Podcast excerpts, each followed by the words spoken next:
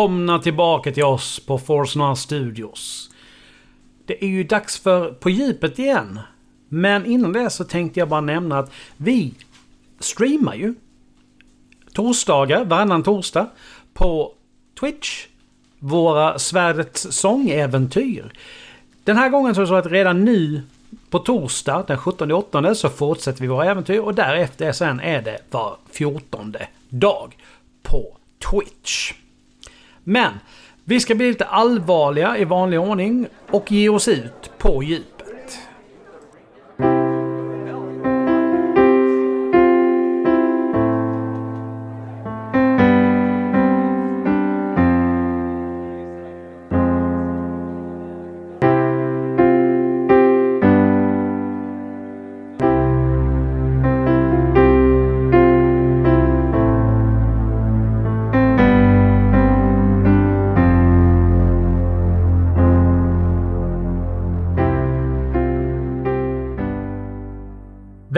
Till höstsäsongens första På djupet.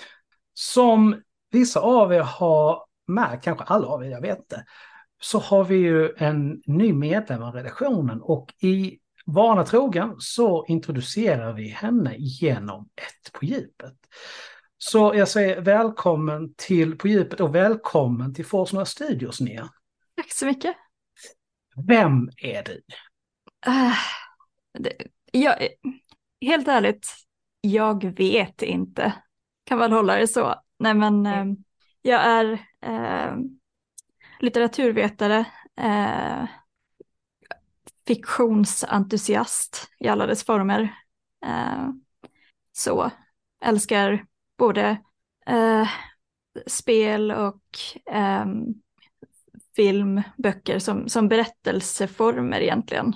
Mm. Ja, ja, men det, så... det, har vi ju kommit fram till innan. Det, vi spelar spel liksom av samma anledning där. Liksom. Det, är, det är storyn som, eh, som är det viktigaste. Tycker Exakt. jag. Mm. Och hur hittade vi dig då kanske folk undrar? Jo, det är ju så att Peter har ju börjat skriva för Nördliv. Och där hittade vi ner. När vi skulle Precis. dra igång rollspel. Yeah. Ja, så det kan man ju också tillägga att jag är eh, spelrecensent för eh, Nördliv och eh, det blir väl ofta att mina recensioner kopplas till på något sätt berättelseaspekten eller någonting kopplat till eh, mina intresseområden. Så. Mm. All right. Eh, då glider vi över på dagens ämne. För det vi ska prata om idag kallas på engelska dissociative disorders. På svenska derealisation. Och jag gillar faktiskt den beskrivningen som Wikipedia har. Jag vet Wikipedia, men jag litar aldrig blint på Wikipedia som jag sa till Linnea innan.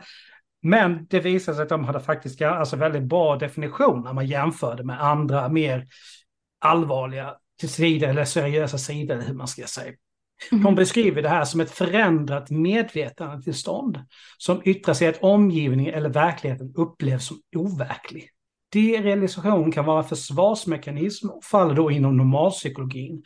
Men det kan också vara ett symptom på en kroppslig sjukdom, drogrus eller psykisk störning. Sen har vi, har vi då depersonalisation. Jävla svårt. Ja, det, det är fruktansvärda ord att säga. Ja. Det är alltså en subjektiv overklighetskänsla av det egna jaget med, medan derealisation är en overklighetskänsla in, inför världen runt om så har vi skilt dem åt lite grann. Mm. Men varför ska vi då prata med dem kanske folk, kanske folk undrar? Ja, så det här med eh, både depersonalisation försöker vi på nytt. Depersonalisation och derealisation är saker som de flesta människor någon gång i sitt liv upplever. Eh, för många är det korta, bara några sekunder, att man får liksom en känsla av oj, nu, nu händer någonting, men man kan inte sätta fingret på vad det, vad det faktiskt var som hände. Men så finns det också de som, eh, som jag själv, som får det som eh, faktiskt kallas för eh, depersonalization and derealization disorder. Och det finns inte riktigt i Sverige på samma sätt som det finns eh, på eh, ja, på annat håll, utomlands och sådär. Eh, man talar om det väldigt lite. Ehm, ja, det finns en bok om depersonalisationssyndrom eh, som är skriven av Anna Strid och Anna Strid är egentligen baserat på min research den enda person i hela Sverige som faktiskt är insatt i att eh, arbeta med och diagnos arbeta med och diagnosera detta. Eh, så bokstavligt talat en person i hela Sverige som rakt ut sagt liksom säger jag kan hjälpa till med det här. Eh, och sen är resten av psykiatri-Sverige lite sådär, ja, existerar det här eller vad, vad pratar vi om? Ja, för, för som jag har förstått det så är det så pass ovanligt. Det är väl lite grann det som liksom ligger till grund för att så få verkligen kan någonting om det. det. det. är ju ingenting som jag hade aldrig hört talas om det Jag menar, vissa känner igen symptomen. Och när man läser så står det tydligt att det är inte ovanligt att folk, som du säger, upplever det här under några sekunder. Och att det då oftast är väldigt mycket stress som ligger bakom. Och det kan jag känna igen själv. Men mm. Om vi bara tar, liksom, var, var, är den här människan belägen i Sverige då? Liksom, finns hon liksom i närheten uh, eller? Nej, uh, hon bor, ska vi se, det var mitt ute i ingenstans. För, för mig är det mitt ute i oh, ingenstans i alla fall. Uh, Tommelilla bor hon. Tommel, ja, ja, ja, ja. Okej, okay. okay. det är ju nere i Småland. Ja, precis. Ja. Uh, att... Det finns ett eh, sommarland som heter Tosselilla i Tommelilla där vi har varit ganska ah. många gånger, jag som kommer från södra Sverige. Så... right. ja, jag vet. Ja, så det, det är uh, Tosselilla och uh, Anna Strid som, mm. som man mm. hittar där.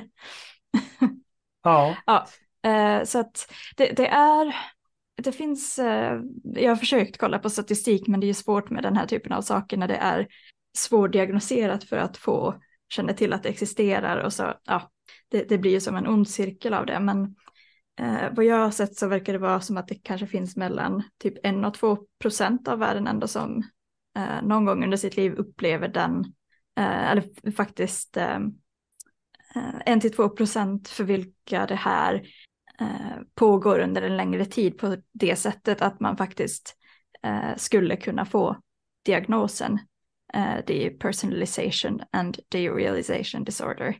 Mm. Så det är inte galet ovanligt, men tillräckligt för att man inte ska tala om det. Det faller väldigt lätt in under eh, olika andra eh, sjukdomar och sådär. Man kan se det som en del av depression för att du ofta har en viss dimmighet där. Eh, overklighetskänslor är också del av eh, flera olika personlighetssyndrom och då finns det även den möjligheten. Så att det krävs liksom att du plockar bort all annan psykisk problematik. Eh, eller åtminstone kan titta på en period i livet när det finns ingenting annat för att det ska kunna ge en diagnos mm. för det här. Som det väl är med de flesta, eh, framförallt psykiska sjukdomar. Du måste reda ja, ut allt på något sätt. För tittar man då på nhs.uk eh, som jag är inne på här just nu. Mm. Alltså symptomen, alltså det är ju att man, känner, att man inte kan känna någon, någon koppling till sig själv eller världen runt sig. Mm. Man glömmer bort vissa tidsperioder, händelser, personlig information. Man känner sig osäker på vem man är. Man har liksom flera distinkta olika personligheter och att man känner lite eller ingen fysisk smärta. Alltså det här stämmer ju in på så mycket annat. Så det är mm. inte så konstigt någonstans att det blir nästan uteslutningsmetoden som man får ta till för att kunna diagnosera det här. Det är ju, alltså jag menar, vem har inte känt sig osäker på vem man är någon gång i livet? Ja, verkligen. Så är det ju. Det är, eh, ja, det blir som du säger uteslutningsmetoden som man behöver använda. Eh, och för många så är det också antingen så börjar det så tidigt att du inte ens förstår att det är någonting som är fel riktigt. Att du inte är medveten om att, ja men, säg exempelvis med eh, derealisation, att du, det innebär att du upplever verkligheten som eh, eller snarare du upplever dig själv som frikopplad från verkligheten men om du inte kan minnas hur det är att känna sig kopplad till verkligheten, hur vet du då att du är frikopplad från den? Ja, men det blir ju ett nytt normaltillstånd någonstans. Exakt. Eh, och då blir det ju som, okej, okay, var det det som fanns innan det här, det verkliga eller det eh, som är på något sätt eh, människans normaltillstånd, eller är det det efter? Så att du har som en, en slags linje som du, eh, även om den ofta är väldigt suddig, så har du fortfarande någon slags linje som du behöver arbeta utifrån. Mm. Alltså jag kommer ihåg en, en period i mitt liv, jag var, det var väldigt mycket stress på jobbet, det var inget, det var inget bra jobb. Och alltså helt plötsligt så, jag kunde inte för mitt liv komma ihåg ifall jag jobbat på det här stället en månad eller två år som det, som det var. Mm. Jag hade liksom ingen koll på det för jobbet fick mig att må så dåligt och var så stressad så jag liksom gör. Så att eh, alltså jag kan, den biten kan jag känna igen. Mm. Men jag var så stressad så att jag fick liksom eh, alltså symptom som liknade hjärtinfarkt. Så att jag var inne på mm. akuten med det. Men det visade sig att det var ju ingenting. Det var ju det var liksom bara ren liksom, skär, skär nervositet och stress. Det visade sig efter. Ja, det är fruktansvärt men också, alltså det är något väldigt häftigt med allt som hjärnan kan göra för att försöka skydda oss. Och då bland annat att en sådan sak är att okej, okay, men låt oss få det att kännas som att det faktiskt är något fysiskt fel med dig för att få dig att ta det lite lugnare. Ja, det är, och, det är häftigt, verkligen. Ja, och med eh, dissociation eh, och de här, eh, ja, depersonalisation och det realisation, så ses ju de som ett, eh, sin egen skyddsmekanism. Så eh, det, jag har hört det kallas för eh, hjärnans egen fallskärm. Eh, att det blir mer och mer och mer som eh, hjärnan inte kan hantera. Så då säger han, okej, okay, nope, fuck this, jag tänker inte hänga med, jag tänker sväva ut lite grann, existera lite utanför det här. Och det kan ju kanske eh, många också tänka att det, det, är vanligt att man vid stora trauman får någon sorts eh, eh, out of body experience eller så. Att eh, du är inte riktigt där utan du ser på det.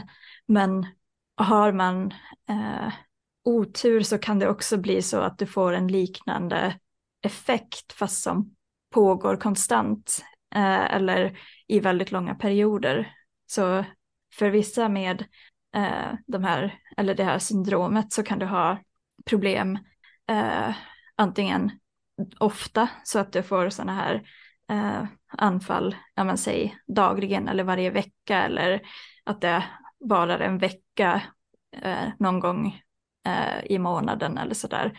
Men sen finns det även de som, eh, som jag bland annat som lever med det konstant. Så att det liksom, det finns inga eh, perioder av att allt känns verkligt utan det är liksom en konstant eh, dimma. Ja. ja, men det blir ju alltså att försöka hitta ett fokus i någonting sånt. Alltså det kan, jag kan ju bara liksom känna att det blir ju någonstans som när du blir riktigt, riktigt full liksom, och har mm.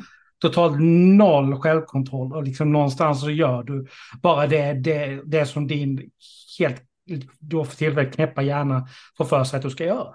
Mm. Det... Exakt. Och den typen av rädsla finns ju också ofta där att ja, men, nu tappar jag till slut kontrollen eller nu liksom det, det finns så lite av en gräns mellan dröm och verklighet att det, det blir svårt att arbeta med konsekvenser. Säg att du eh, ja, men drömmer om att du kan eh, flyga och så inser du under drömmen att vänta nu, det här är en dröm. Så kan du plötsligt kanske eh, kunna faktiskt styra hur du flyger och liksom din existens i drömmen. Men om du hela tiden har en känsla av att du drömmer så kan du tänka tillbaka på den där gången som du flög i drömmen och i några, åtminstone för mig brukar det vara kanske några, någon enstaka sekund eller några mikrosekunder som eh, tanken är en stund, ja men just det, det där går ju. Eller liksom, det här var en upplevelse jag hade tills jag inser, nej, nej gud nej, nej, det, så funkar det inte. Eh, så att det är liksom en väldigt stark frånkoppling från till och med ibland vad som är möjligt. Och det som är mm. skillnaden, för där hör jag ju också um, att man kanske hamnar i fundering kring, okej, okay, men vad är då skillnaden mellan detta och en psykos eller ja, men, schizofreni och dylikt. Och där är det väl den huvudsakliga skillnaden och den absolut tydligaste skillnaden och kanske viktigaste är att om du lever med eh, den här typen av dissociativt syndrom så vet du hela tiden att det är din upplevelse som inte stämmer. Så du, du är medveten om att ja, men, det här, det är jag som eh, um, jag känner mig frikopplad från verkligheten. Det är inte så att verkligheten på något sätt har förändrats, utan det är bara min uppfattning av den. Mm. Uh, eller om du har depersonalisation där du inte känner att du riktigt kan styra din kropp och det, det du gör, så är mer, du tror inte att det är någon annan som styr din kropp som du kanske skulle göra vid en psykos, utan du är medveten om att ja, men det är jag som styr det känns bara inte så. Mm. Alltså det, det, här är alltså väldigt intressant för att alltså när man får återgå till symptomen lite grann. Alltså. De här symptomen drabbar ju 74 procent av befolkningen någon gång. Mm. Bara mellan 31 och 66 procent i samband med en traumatisk händelse. Mm. Och jag menar, det är hemskt nog bara liksom att det händer under en kort tid. Hur, hur hanterar man att det här liksom händer så ofta, alltså, eller händer hela tiden. Hur hanterar man det? Med acceptans. Eh, inte direkt det lättaste att göra, men det är mycket att det finns en del forskning som tyder på att det värsta du kan göra med eh, den här typen av problematik är att tänka på den, att vara medveten om den. Och så att om du medvetet söker efter lösningar så kommer du att bli sämre troligtvis på grund av att du hela tiden tänker på hur konstigt det känns. Okej, okay, så genom att försöka hitta problemen så triggar man det istället? Exakt. Uh, och så att det råd som de flesta brukar ge kring det är ju att okej, okay, nu vet du vad det är. Försök att leva ditt liv som att det inte existerar så kommer det förhoppningsvis att gå över. Eh, och när det inte gör det, det är ju definitivt då som man får eh, också eh, söka hjälp vid till eh, psykiatrin eller dylikt. Det finns en del eh, saker som, som eh, har fungerat för människor om det då är medicinering eller olika typer av terapi och sådär. Mm. Om vi då får bli lite personliga, liksom, hur mm. upptäckte du det här första gången? Så del av problematiken med det här är ju också att mitt självbiografiska minne är ganska fruktansvärt gällande det absolut mesta. Eh, ju längre bak jag går desto luddigare är det, vilket också gör att det är svårt att riktigt peka ut något specifikt. Men jag har ett tydligt minne som jag misstänker är att jag var runt ja, men, mellan 8 och 12 någonstans i ålder och jag satt i bilen och åkte Eh, och var på väg någonstans med eh, mina föräldrar. Och jag insåg plötsligt att jag hade glömt vad som var vänster och vad som var höger hand. Och jag hade alltid varit fullt medveten om, vad, eller inte alltid, men sen jag hade lärt mig det så hade det suttit väldigt tydligt. Liksom jag hade lärt mig att okej, okay, men det är, man läser från vänster till höger och det var på det sättet som jag, liksom, det fastnade. Men jag kommer ihåg den där stunden att jag bara plötsligt insåg att, men gud, jag vet inte, jag, jag har glömt det här. Det här som var en total självklarhet har bara försvunnit. Ehm, och då insåg jag ju inte att okej, okay, nu har det hänt något stort, utan det är snarare i efterhand när jag tänkt tillbaka på okej, okay, men vad är den första, ehm, den första gången som jag kan koppla till det här, det första tillfället. Så, och då är det egentligen den, den stunden i bilen när jag insåg att jag eh, hade tappat något som bara en timme tidigare hade varit en självklarhet. Och det gick sedan eh, flera flera månader innan det fortfarande satt säkert. Och ibland kan det fortfarande hända att jag liksom i mina mest dissocierade perioder förlorar den typen av information. Hur pass mycket påverkar det här din vardag? Om jag skulle drabbas av det nu, att jag inte hade haft några problem alls och nu plötsligt så smäller det till, så skulle inte mitt liv fungera överhuvudtaget, tror jag. Eh, bara på grund av att jag inte skulle ha byggt upp metoder som, ja men, exempelvis, jag ser till att alltid skriva upp allt som kommer att hända.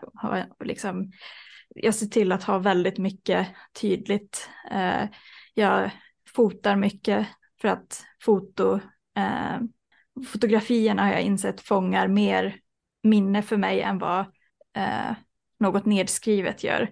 Eh, så att jag kan gå tillbaka i ett fotoalbum och minnas avsevärt bättre än vad jag kan om jag skulle läsa att ja, men den här dagen var jag eh, på Kolmården med eh, min sambos syskonbarn. Alltså det, det, det som inte finns på foto finns inte riktigt på det sättet. Det är ju också att jag, om jag inte var medveten om detta, inte skulle ha lika mycket påminnelser för sig. Um, födelsedagar och dylikt, även om jag kan komma ihåg väldigt tydligt, ja men min sambos födelsedag är den 26 december. Det har jag liksom, jag har den kunskapen, men när det plötsligt är den 25 december och det plötsligt sedan blir den 28 december och jag inte riktigt inser vad som har hänt däremellan så är det som det här ihopsmältandet av dagarna gör att jag behöver nästan ha det sådär tydligt. Eh, så jag skulle nog inte, jag känner att också att det här svaret blir väldigt Nej, det, nej eh, det, det tycker jag inte. Men med, med tanke på vad du har sagt här liksom att mm. man helst inte ska tänka på det. Hur pass jobbig blir en sån här grej då när, liksom när, man, när du helst inte ska tänka på det? Um, nu har jag tänkt på det ganska mycket på senare tid för att jag har lyft det med eh, psykiatrin för ja, men, några eh, månader sedan. Ehm, eh, och så då har jag haft det väldigt mycket top of mind under en ganska lång tid. Ehm, så att, att jag gör detta nu, ja, jag ska väl definitivt se till att inte försöka göra något superproduktivt efter det här. Men då är ju klockan också eh, nio på kvällen en fredagkväll som tur är. Um, men um, det är... Ja, och där, där andra dagar på krogen så sätter du oss framför tvn och spelar istället. exakt, exakt. Så det är ju perfekt. Um, men det är ju inte det lättaste. Jag tror definitivt att jag är mer påverkad av eh, syndromet nu än vad jag skulle vara om vi pratade om något helt annat. Um, men på grund av att, ja, som sagt, jag har haft det top of mind så länge så eh, finns fortfarande, själva grundnivån är liksom ganska hög redan som mm. det är. Men om man liksom, med tanke på allt det här, varför mm. valde du då att det var det här som du ville prata om? På grund av det mötandet som, eh, på grund av det bemötandet som jag fick på psykiatrin, helt ärligt. De eh, har i princip rakt ut sagt att kompetensen inte finns för att hjälpa mig. Eh, och om kompetensen inte finns, ja, då får vi väl försöka se till att kompetensen kommer att existera. Och ens de minsta strån som jag kan dra till stacken för att den kompetensen ska kunna komma till eh, vill jag göra mitt bästa för att ja, dra. Jo, jag förstår vad vad, vad du menar. Det är, det, samma sak driver väldigt många av dem som vi har pratat med när det, när det gäller mm. sådana här grejer. Om det är så är alkoholism eller spelberoende eller vad det är. Mm. Alltså för, för mig låter det ju som att den, den här författaren borde ju egentligen alltså, ut i Sverige och utbilda psykiatrin i det här. Om, om det nu är så att hon är den enda som verkligen på riktigt kan någonting om det. Precis, men samtidigt så är det ju också, vi lever i ett väldigt eh, globalt sammankopplat samhälle. Det är inte på något sätt omöjligt att få tag på informationen för vården. Utan det handlar ju väldigt mycket också om att de inte har intresset för det. Det är inte tillräckligt påtagligt, det är inte tillräckligt mycket tryck på det. Och psykiatrin är så pass underbemannad att oh ja. de försöker hålla sig till de här eh, få cookie cutter diagnoserna som, eh, som självfallet är väldigt viktiga att fokusera på dem också.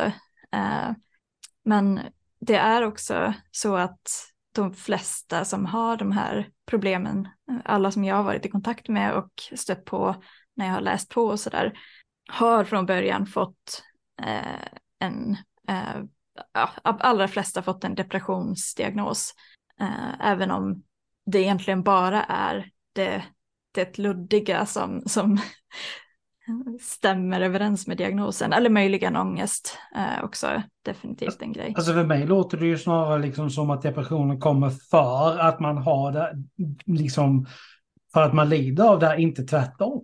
Exakt. Ja, eh, för men det måste ju vara ett väldigt jobbigt tillstånd att gå, att gå och dra på. Liksom det.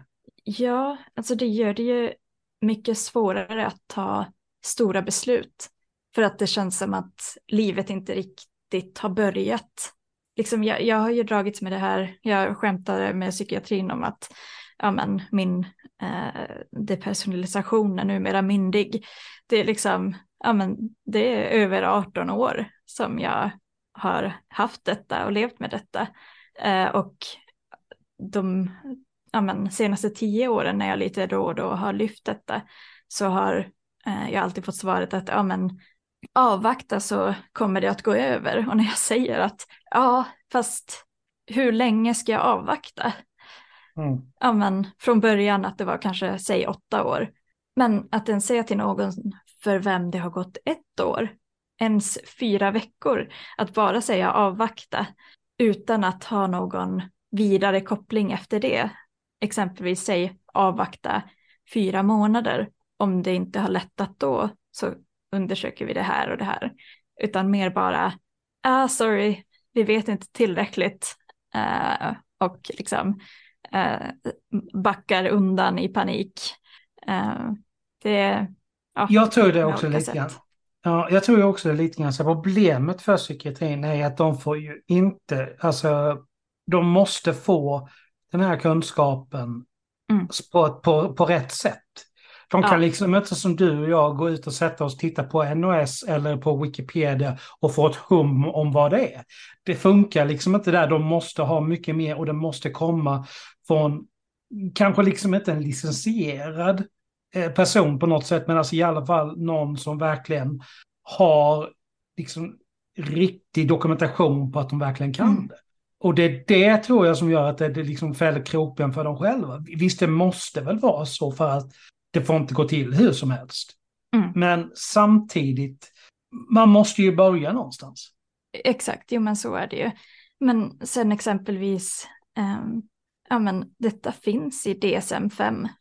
Det är liksom, ja men, uh, diagnos... Oh, gud, vad heter det? Ja, vad är det? Ja, uh, precis. Vad är DSM-5 för de som inte vet precis, det? Precis, så det, det är en uh, handbok Eh, för psykiatrin med de olika diagnoserna egentligen, så standarddiagnoser. Så det står för Diagnostic and Statistical Manual of Mental Disorders.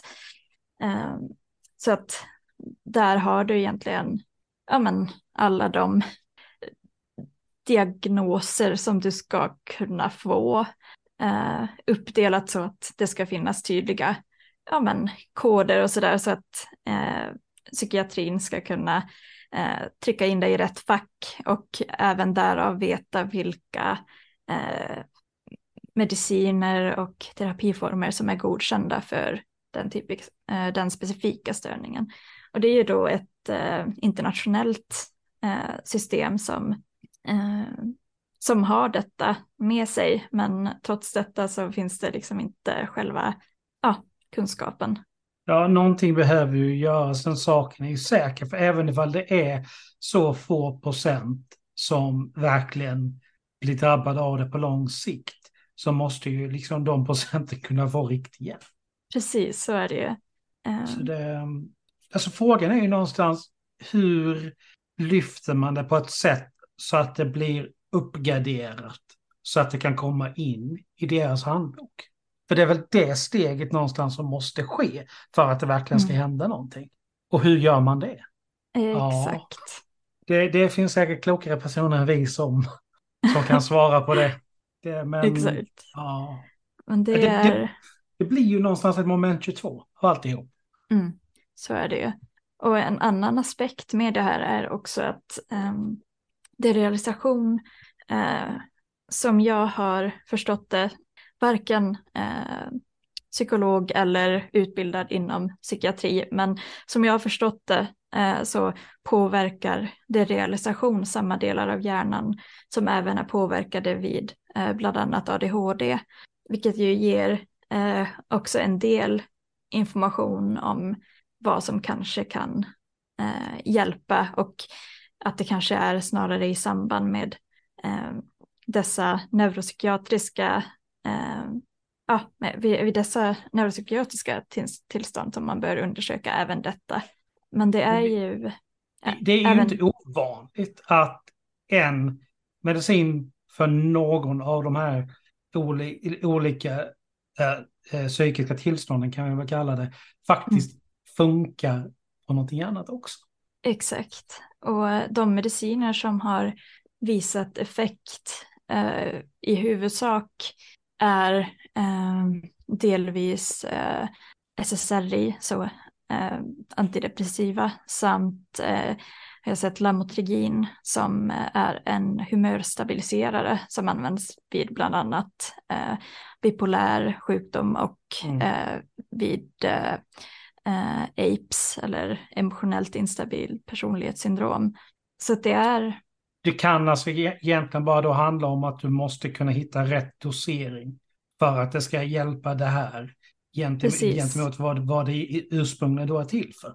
exakt, och det finns ju Mm. också någon slags, eh, det, det fungerar inte eh, alltid eh, med någon av de här medicineringarna och det, det är egentligen det som också är lite knepigt att problemet med många dissociativa störningar är exempelvis att du har svårt att ta till dig terapi medan du är i det dissociativa tillståndet på grund av att du är lite frånkopplad från eh, ditt trauma eller eh, de, eh, de triggande faktorerna.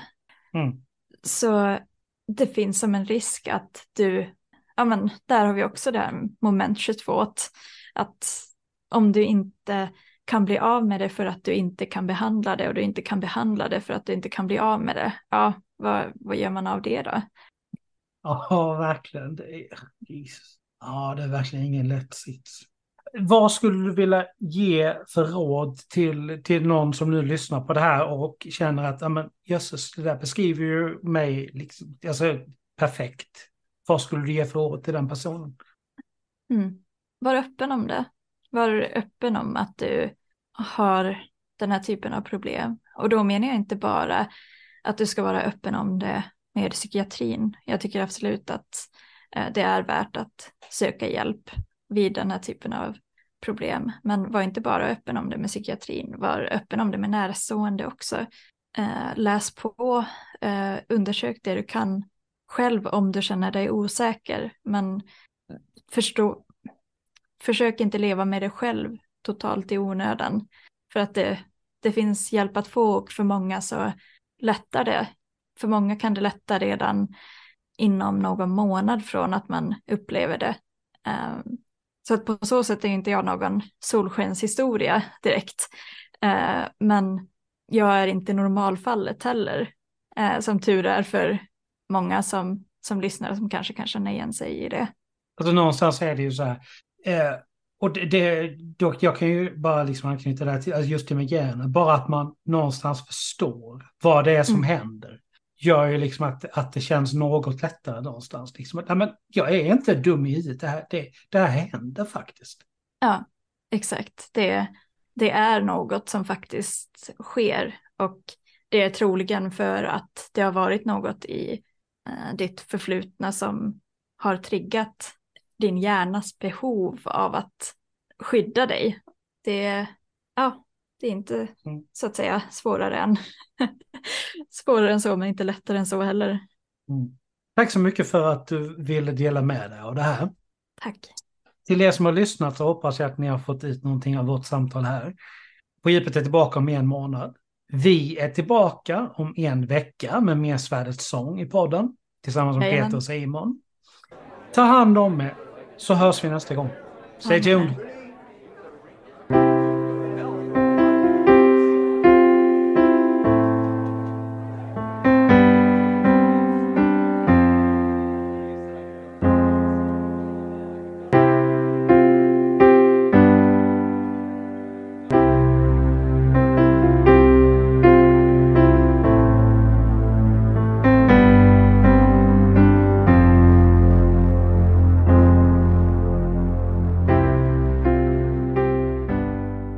För att du lyssnat på dagens avsnitt. Musiken är gjord av Imaginary Stars Production. Vi skulle uppskatta om ni gillade våra inlägg på Facebook, Instagram och Twitter då det hjälper att motivera oss i det vi gör. Vi skulle ännu mer uppskatta om ni gick in på Spotify och gav podcasten ett betyg för det hjälper oss att synas i deras flöden. Ta hand om er så hörs vi snart igen. Stay tuned!